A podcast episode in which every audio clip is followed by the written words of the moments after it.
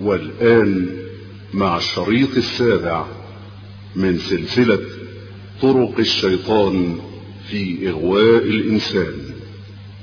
الحمد لله تعالى نحمده ونستعين به ونستغفره ونعوذ بالله تعالى من شرور أنفسنا وسيئات أعمالنا. من يهد الله تعالى فلا مضل له ومن يضلل فلا هادي له. وأشهد أن لا إله إلا الله وحده لا شريك له وأشهد أن محمدا عبده ورسوله. يا أيها الذين آمنوا اتقوا الله حق تقاته ولا تموتن إلا وأنتم مسلمون. يا أيها الناس اتقوا ربكم الذي خلقكم من نفس واحدة وخلق منها زوجها وبث منهما رجالا كثيرا ونساء. واتقوا الله الذي تساءلون به والأرحام. إن الله كان عليكم رقيبا. يا أيها الذين آمنوا اتقوا الله وقولوا قولا سديدا. يصلح لكم أعمالكم ويغفر لكم ذنوبكم. ومن يطع الله ورسوله فقد فاز فوزا عظيما. أما بعد فإن أصدق الحديث كتاب الله تعالى وأحسن الهدي هدي محمد صلى الله عليه وآله وسلم وشر الأمور محدثاتها وكل محدثة بدعة وكل بدعة ضلالة وكل ضلالة في النار. فإن موسى عليه السلام لما قتل الفرعوني قال هذا من عمل الشيطان إنه عدو مضل مبين. كل عدو مضل لكن ليس مبينا. لكن صفة الإضلال صفة أساسية ورئيسية في العداوة. من ظن أن يأتيه نفع من عدوه فهو تاجر في أودية الضلال. والذي يعتمد على عدوه أشد منه ضلالا. فربنا تبارك وتعالى حذرنا وخالفنا أمره خالفنا تحذيرا فقال يا أيها الذين آمنوا لا تتخذوا بطانة من دونكم لا يألونكم خبالا. ودوا ما عنتم. قد بدت البغضاء من أفواههم وما تخفي صدورهم أكبر. قد بينا لكم الآيات إن كنتم تعقلون. ها أنتم أولئك تحبونهم ولا يحبونكم. وتؤمنون بالكتاب كله. وإذا لقوكم قالوا آمنا. وإذا خلوا عضوا عليكم الأنامل من الغيظ قل موتوا بغيظكم. إن الله عليم بذات الصدور. إن تمسسكم حسنة تسؤهم وإن تصبكم سيئة يفرحوا بها. وإن تصبروا وتتقوا لا يضركم كيدهم شيئا. إن الله بما يعملون محيط. كلام واضح غاية الوضوح. لا تتخذوا بطانة من دونكم أي من سواكم إذ لا يأتي من مخالفك في المذهب خير سواء كان كافرا أو كان فاسقا أو كان مبتدعا لا يأتيك منه خير. لا تتخذوا بطانة من دونكم لا يألونكم خبالا يعني لا يقصرون في إفسادكم الخبال والفساد. لا يألونكم خبالا ودوا من قلوبهم ما عنتم أي ودوا لو وقعتم في العنت أفواههم ما بين الحين والحين تظهر هذه البغضاء لكن لأن الحرب خدعة والحياة مكر لا يستطيع أن يخرج ما في صدره على فلتات لسان إنما يخرج نبذا وما تخفي صدورهم أكبر. فهل هذا الكلام العربي المبين واضح ولا غامض؟ قد بينا لكم الآيات ولا تكون آية إلا إذا كانت واضحة. لا يسمى الشيء آية إلا إذا كان واضحا. قد بينا لكم الآيات. كلام عربي واضح. إن كنتم تعقلون. ثم ذكر ربنا تبارك وتعالى نماذج للمفارقات بيننا وبينهم وأنهم لا يستحقون منكم أن ترفعوا لهم رأسا بل انبذوهم نبذ النواة. ولا ترفعوا لهم رأسا. لأن في تباين بينكم وبينهم. ها أنتم أولئك تحبونهم. وهم في المقابل لا يحبونكم وتؤمنون بالكتاب كله ولم يذكر ويكفرون بكتابكم لأنه واضح. هذا الإضمار فيه وضوح. إنما صرح في الأولى لأن كل شيء ينبني على الحب والبغض. ما من حركة في الكون أو سكنة إلا يدفعها حب أو بغض. ها أنتم أولئك تحبونهم ولا يحبونكم فإذا كانوا يكرهونكم فالإضمار أقوى وأبلغ. وتؤمنون بالكتاب كله لا يقول ويكفرون بالكتاب كله. لأن خلاص واضح المسألة واضحة. إذا فارقناهم في المحبة فكل شيء يأتي بعد المحبة فرع عليها. فيكون الإضمار أقوى من التعيين. كما قال ربنا تبارك وتعالى في قصة يوسف لما نادى على صواع الملك قالوا فما جزاؤه إن كنتم سارقين إن كنتم كاذبين؟ قالوا جزاؤه من وجد في رحله فهو جزاؤه. هذا أقوى من أن يقال يسجن يعاقب يجلد. فهو جزاؤه يعني ما خطر ببالكم عقوبة له يستحقه. فإضمار الجزاء أقوى من تعيين. كذلك إضمار تكذيبهم للكتاب أقوى من تعيين. لا سيما بعدما ذكر التباين في المحبة. ها أنتم أولئك تحبونهم ولا يحبونكم وتؤمنون بالكتاب كله. وإذا لقوكم قالوا آمنا. وإذا خلوا عضوا عليكم الأنامل من الغيظ. هذه الآيات في غاية الوضوح أنه لا يأتيك من عدوك نفع على الإطلاق. وذهب أكثر العلماء إلى أن هذه الآيات نزلت في اليهود. وما ندري والله ما الذي يجري. ألسنتهم تنطق بالسوء. كلام واضح غاية الوضوح. وما تخفي صدورهم أكبر ونحن نعلم. ومع ذلك عز علينا أن نقول مثلما قال الشاعر العربي لما حدث بينه وبين قومه بين قومه وبين آخرين موادعة ومهادنة وكان الآخرون يعتدون عليهم فاتفقوا أن يفتحوا صفحة جديدة فإذا بهؤلاء يغدرون مرة أخرى فقال هذه الأبيات التي اختارها أبو تمام وأودعها في ديوان الحماسة ثاني قطعة في هذا الديوان الكبير وهي أبيات يصح أن أقول فيها إنها شعار المرحلة. إنها شعار المرحلة. يقول صفحنا عن بني ذهل وقلنا القوم إخوان عسى الأيام أن يرجعن قوما كالذي كانوا لكنهم الآن فرجعوا مرة أخرى ونقضوا العهود. قال فلما صرح الشر فأمسى وهو عريان. شر صريح واضح عريان لا غير مستتر. ولم يبقى سوى العدوان.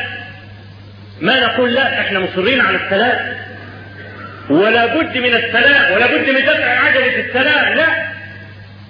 ولم يبقى سوى العدوان بعدما صرح الشر دناهم كما دانوا مشينا مشية الليث غدا والليث غضبان بضرب فيه توهين وتقريع وإذنان.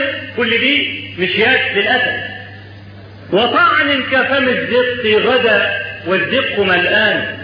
الزق اللي هو قربة من جلد إذا كانت ملآنة إلى الآخر ونقصتها بأصبعك يفيض الماء.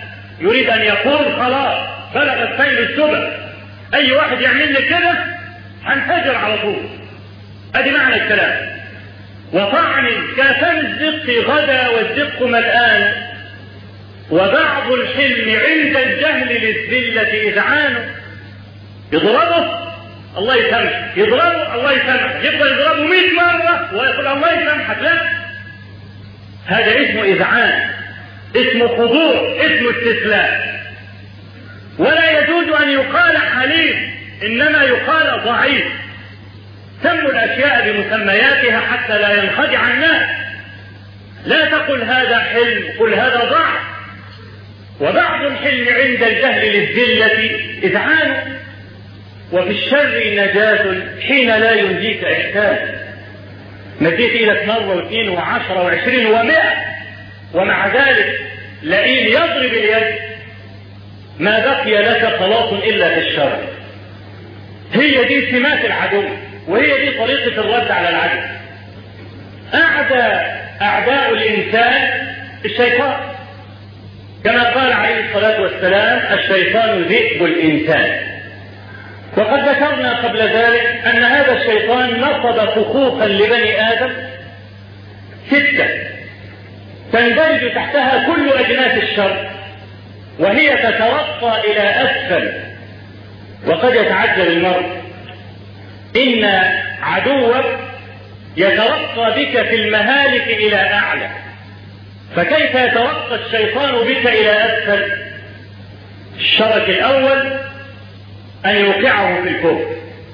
فإن نجا العبد من الكفر أوقعه في البدعة فإن نجا من البدعة أوقعه في الكبيرة. إن نجا من الكبيرة أوقعه في الصغيرة.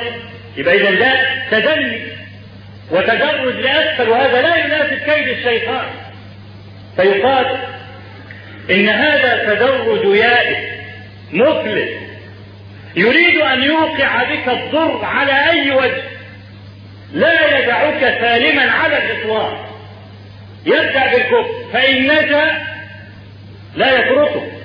لكن يتدرج به إلى أسفل رجاء أن يرجع به مرة أخرى إلى الكفر. فيه كلمة حكيمة يقولها علماء السلف. يقولون إن المقاتل لا يغير عقيدته ولكن يغير موقعه. أنت رجل لك هدف. إذا مضيت في هذا الطريق القصير اعترضتك عقبات كثيرة فليس من الحكمة أن تدخل وتجابه كل هؤلاء الأعداء في هذا الطريق لكن ارجع إلى الوراء. وابحث عن طريق آخر ولو كان بعيدا. المهم أن تصل. إذا رجوعك القهقرى إلى القلب. ليس هزيمة. ليس هزيمة. ليس النصر إنك أنت تكسب أرض. وانك انت تتقدم إلى الامام اذا كان فيه عقبك لكن النصر ألا تدمر. ولذلك قادة العسكريون يجعلون رجوع الجيش سالما منهزما من أبواب النصر.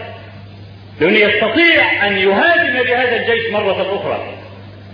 لكن يمضي في هذا الطريق ويدمر هي دي الهزيمة فهذا الشيطان يتدنى عجز.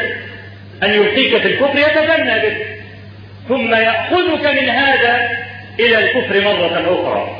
البدعة بريد الكفر وبوابته. وكذلك الكبائر. إن أصر العبد عليها واستحلها كفر. إذا أخذه من شرك الكبائر إلى الكفر. وقد يأخذه من باب المباح ويلقيه في الكفر. قال الله عز وجل يا أيها الذين آمنوا لا تتبعوا خطوات الشيطان. خطوات. خطوات ماكرة خفية. فقد يدخل الكفر من باب المباح. وهو لا يدري. فتكلمنا عن الكفر وتكلمنا عن البدعة ونتكلم عن الكبائر. إنما سميت كبيرة لجسامة جرمها. وأنكر جماعة من أهل العلم وأنكر جماعة من المسلمين منهم المعتزلة أن يكون في الذنوب صغائر وكبائر. قالوا كل ذنب كبير.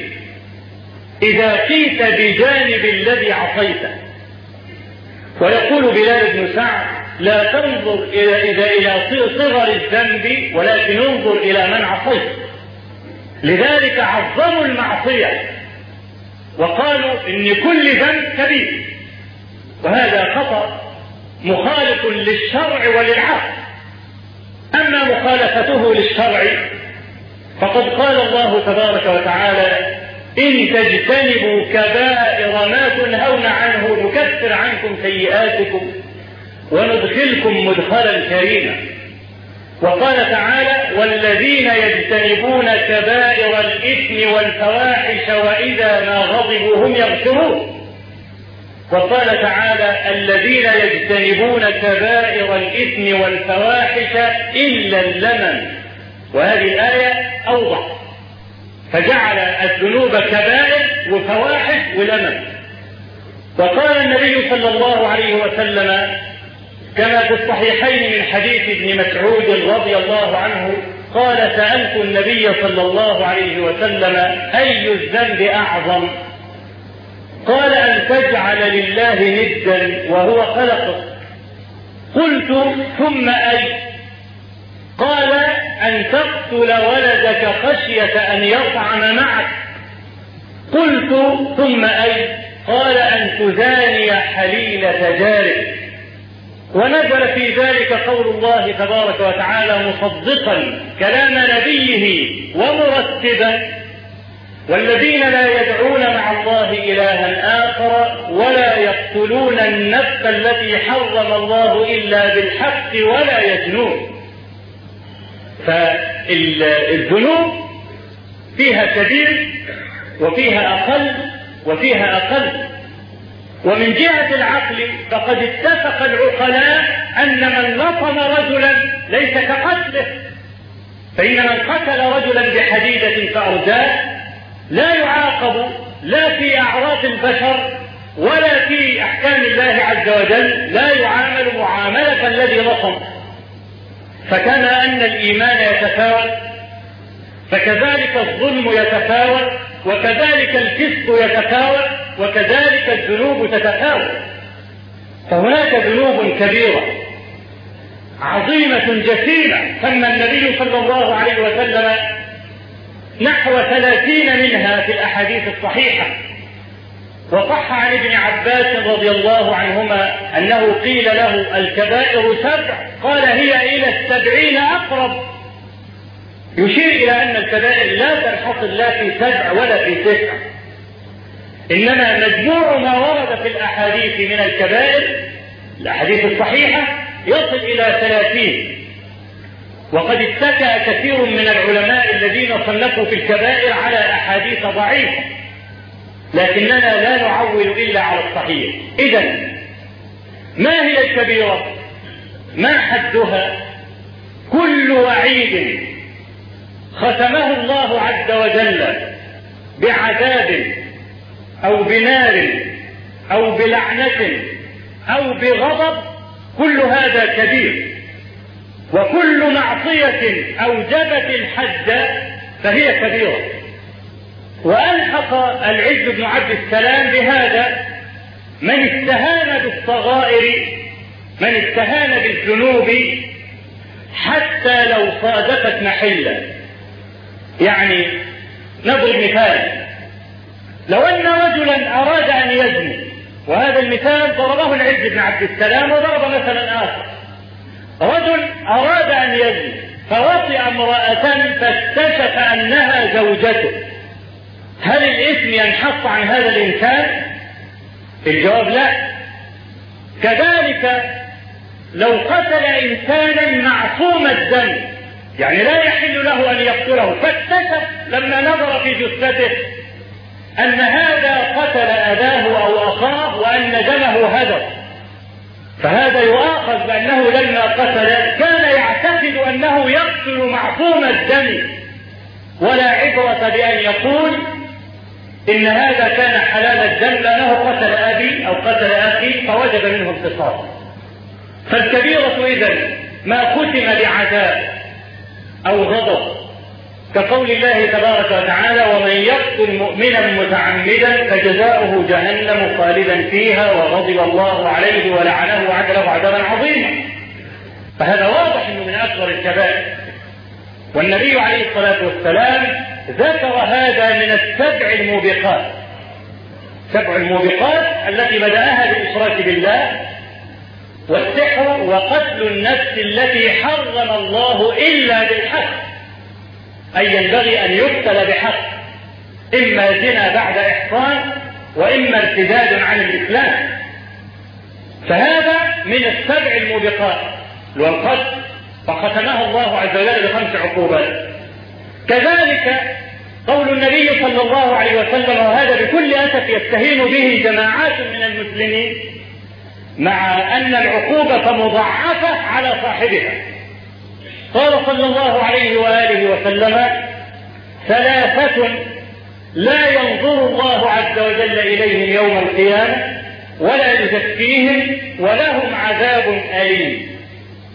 هذه كلها تؤذن بأن الذي سيأتي من الكبائر المسبل إزاره.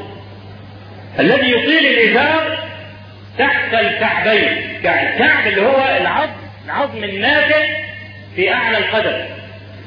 هناك كثير من المسلمين يزرجرون أزورهم. ويقولون المهم القلب. ويقولون نحن لا نفعل ذلك خيلاء. وحسبك ما ورد من الوعيد في مقدم الكلام ثلاثة لا ينظر الله عز وجل إليهم يوم القيامة. ولا يزكيهم ولهم عذاب أليم. كيف يقال هذه قصور؟ أو هذه صغيرة. وقد قدمت بهذا الوعيد المسبل إزاره والمنفق سلعته بالحلف الكاذب. في الأسواق يحلف بالأيمان الغرار إن هذه السلعة جيدة وممتازة. وهو يعلم إن هذه السلعة مكتوب عليها مثلا صنعت في بلد كذا وهو وهو الذي وضع هذه الصناعة. كثير من التجار بيسأل. يعني مثلا البضاعة اليابانية لها قيمة كل الناس تقبل عليها. فهل يجوز إن إحنا نأتي مثلا بضاعة من الصين أو من تايوان أو من أي بلد ونضع عليها صنع في اليابان؟ والناس يقبلون على ذلك. هذه سرقة. هذه سرقة. كذلك سرقة مقاسات الملابس يعلم مثلا إن المقاس الاكبر هو المطلوب. أكبر مقاس صغير والوسط والكبير. وأكبر الكبير. طب المطلوب الكبير. فيأتي على المقاسات المتوسطة ويضع عليها كبير.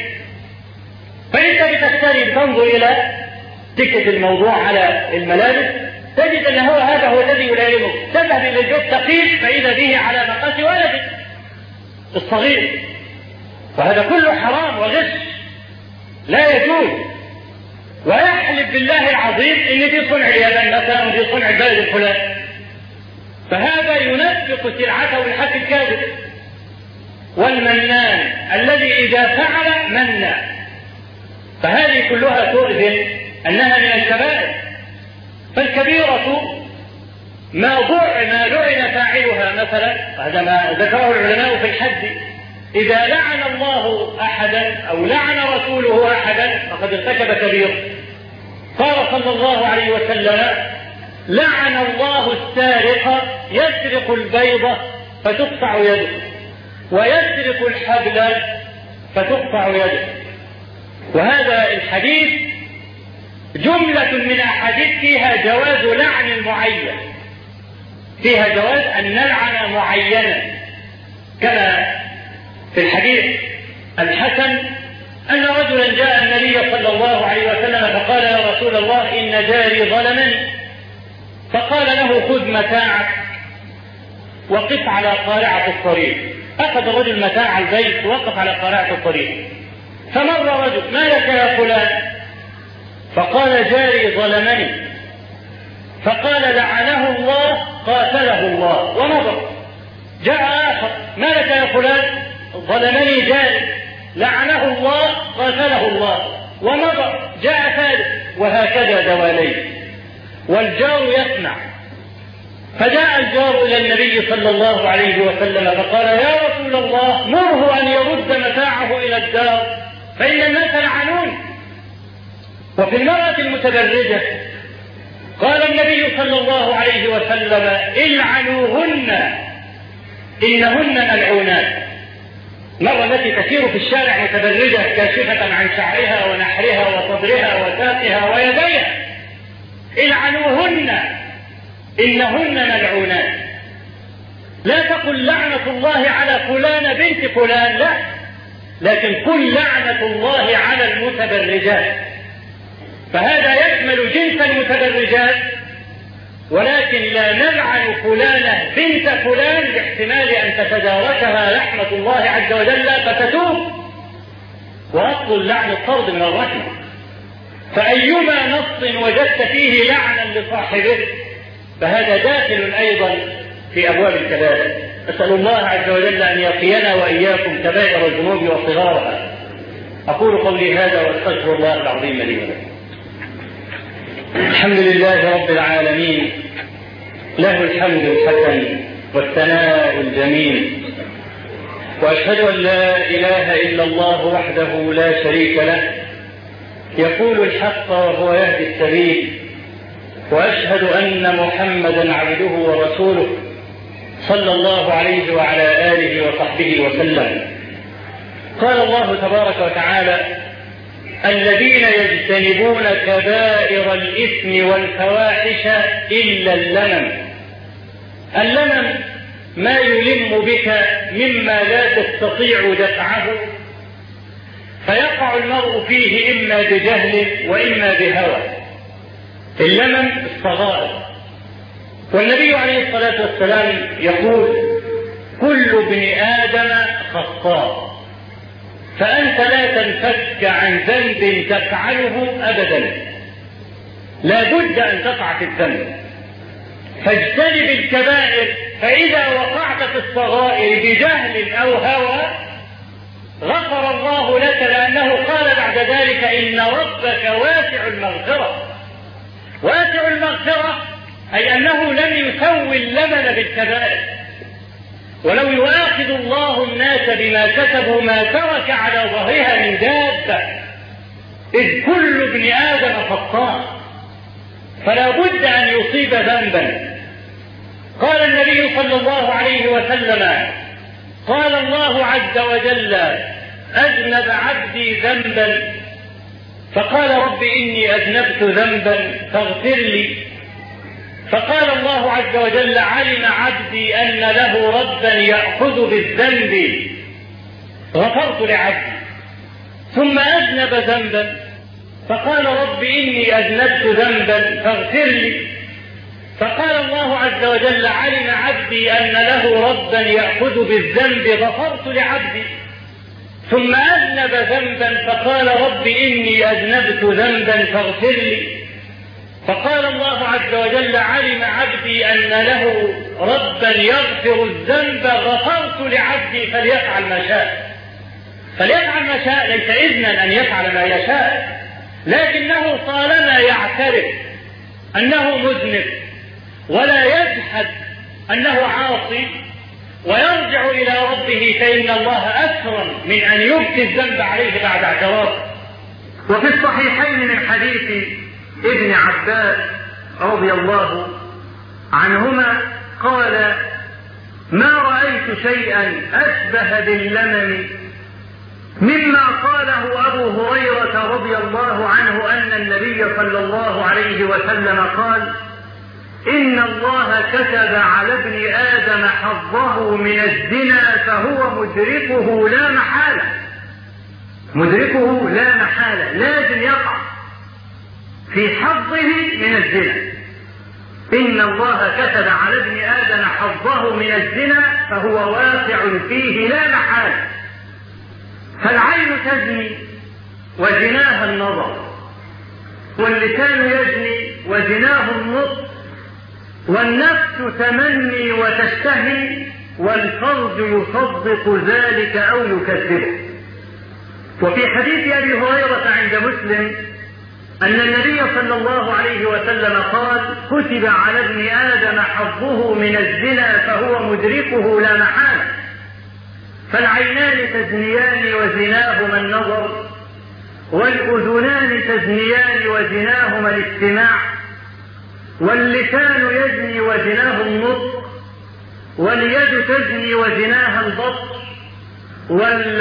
والرجل تزني وزناها الخطى والقلب يهوى ويتمنى والفرج يصدق ذلك أو يكذبه. فاللمم الذي أشار إليه ابن عباس كل شيء ما عدا الفرج. هذا هو اللمم الذي لابد أن يقع فيه ابن آدم. من الذي ما نظر إلى ما حرم الله؟ من الذي ما تكلم بما يغضب الله؟ من الذي لم يعط أذنه إلى ما حرم الله من الغيبة والنميمة والتجسس؟ من الذي ما ضرب ظلما؟ من الذي ما خطى برجله إلى معصية؟ من الذي ما ساء قط؟ ومن له الفتنه فقط؟ فهذا كله من اللمم. فإذا وقع العبد في زنا الفرد سمي زانيا ولا يسمى زانيا إذا نظر إلى المحرمات. ولا يسمى زانيا إذا بطش. إنما يسمى زانيا شرعا وعرفا إذا صدق الفرج ذلك. كما قال عليه الصلاة والسلام من أحسن في الجاهلية فأسلم أعطاه الله عز وجل أجره مرتين. ومن أساء عوقب بالأول والآخر. فالفرد هو الذي يصدق ذلك أو يكذبه ولذلك كان الفرد هو الكبيرة وكل ما عدا ذلك من مقدماته هو اللمم وفي الحديث الصحيح أن رجلا قابل امرأة في الطريق ففعل معها كل شيء إلا الجماع فبينما هو يمشي إذ دخل في حائط فذهب إلى النبي صلى الله عليه وسلم فقال إني فعلت كذا وكذا. فسكت عليه الصلاة والسلام حتى نزل قوله تبارك وتعالى وأقم الصلاة طرفي النهار وزلفا من الليل إن الحسنات يذهبن السيئات ذلك ذكرى للذاكرين. فقال يا رسول الله أهذه لي أم للمسلمين عامة؟ قال بل للمسلمين عامة فما من رجل يقع بجهل أو هوى في شيء من اللمن فاعترف بذنبه وتاب إلا تاب الله عز وجل عليه فهذا وعد الصدق الذي وعدنا ربنا تبارك وتعالى وهو الذي يقبل التوبة عن عباده. أقول قولي هذا وأستغفر الله العظيم لي ولكم. اللهم اغفر لنا ذنوبنا وإسرافنا في أمرنا وثبت أقدامنا وانصرنا على القوم الكافرين. اللهم اجعل الحياة زيادة لنا في كل خير واجعل الموت راحة لنا من كل شر. اللهم قنا الفتن ما ظهر منها وما بطن. اللهم لا تجعل الدنيا أكبر همنا ولا مبلغ علمنا ولا تجعل مصيبتنا في ديننا ولا تسلط علينا بذنوبنا من لا يخافك ولا يرحمنا. رب آت نفوسنا تقواها وزكها أنت خير من زكاها أنت وليها ومولاها. اللهم اغفر لنا هزلنا وجدنا وخطأنا وعمدنا وكل ذلك عندنا. الله أكبر. الحمد لله رب العالمين. الرحمن الرحيم.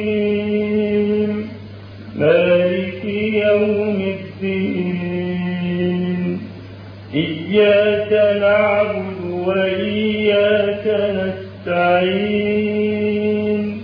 اهدنا الصراط المستقيم.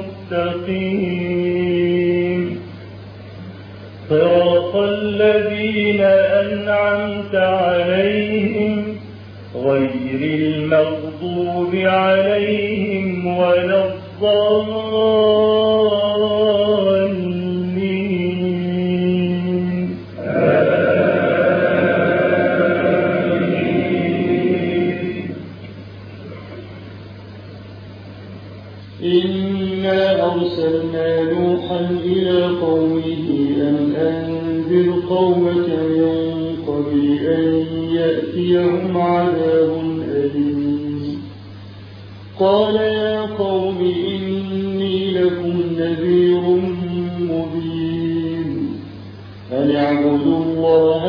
الله واتقوه وأطيعون. يغفر لكم من ذنوبكم ويؤخركم إلى أجل مسمى. إن أجل الله إذا جاء لا يؤخر لو كنتم تعلمون. قال ليلا ونهارا فلم يزدهم دعائي إلا فرارا.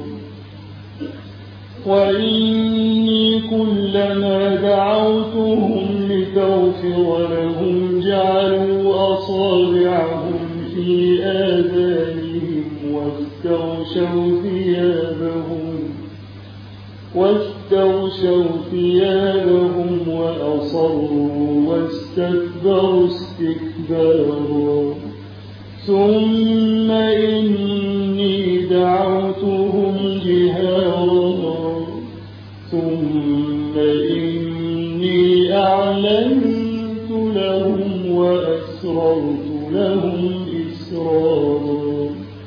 فقلت استغفروا ربكم كان غفارا يرسل السماء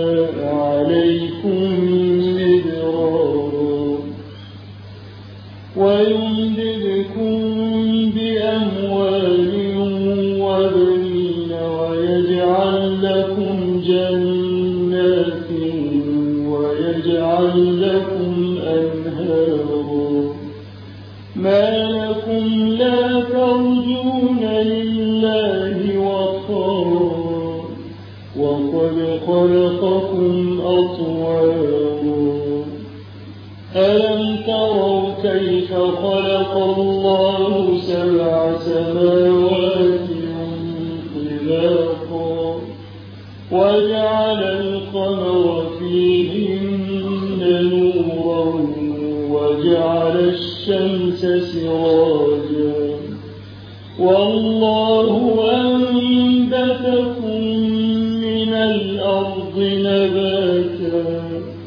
ثم يعيدكم فيها ويخرجكم إخراجا.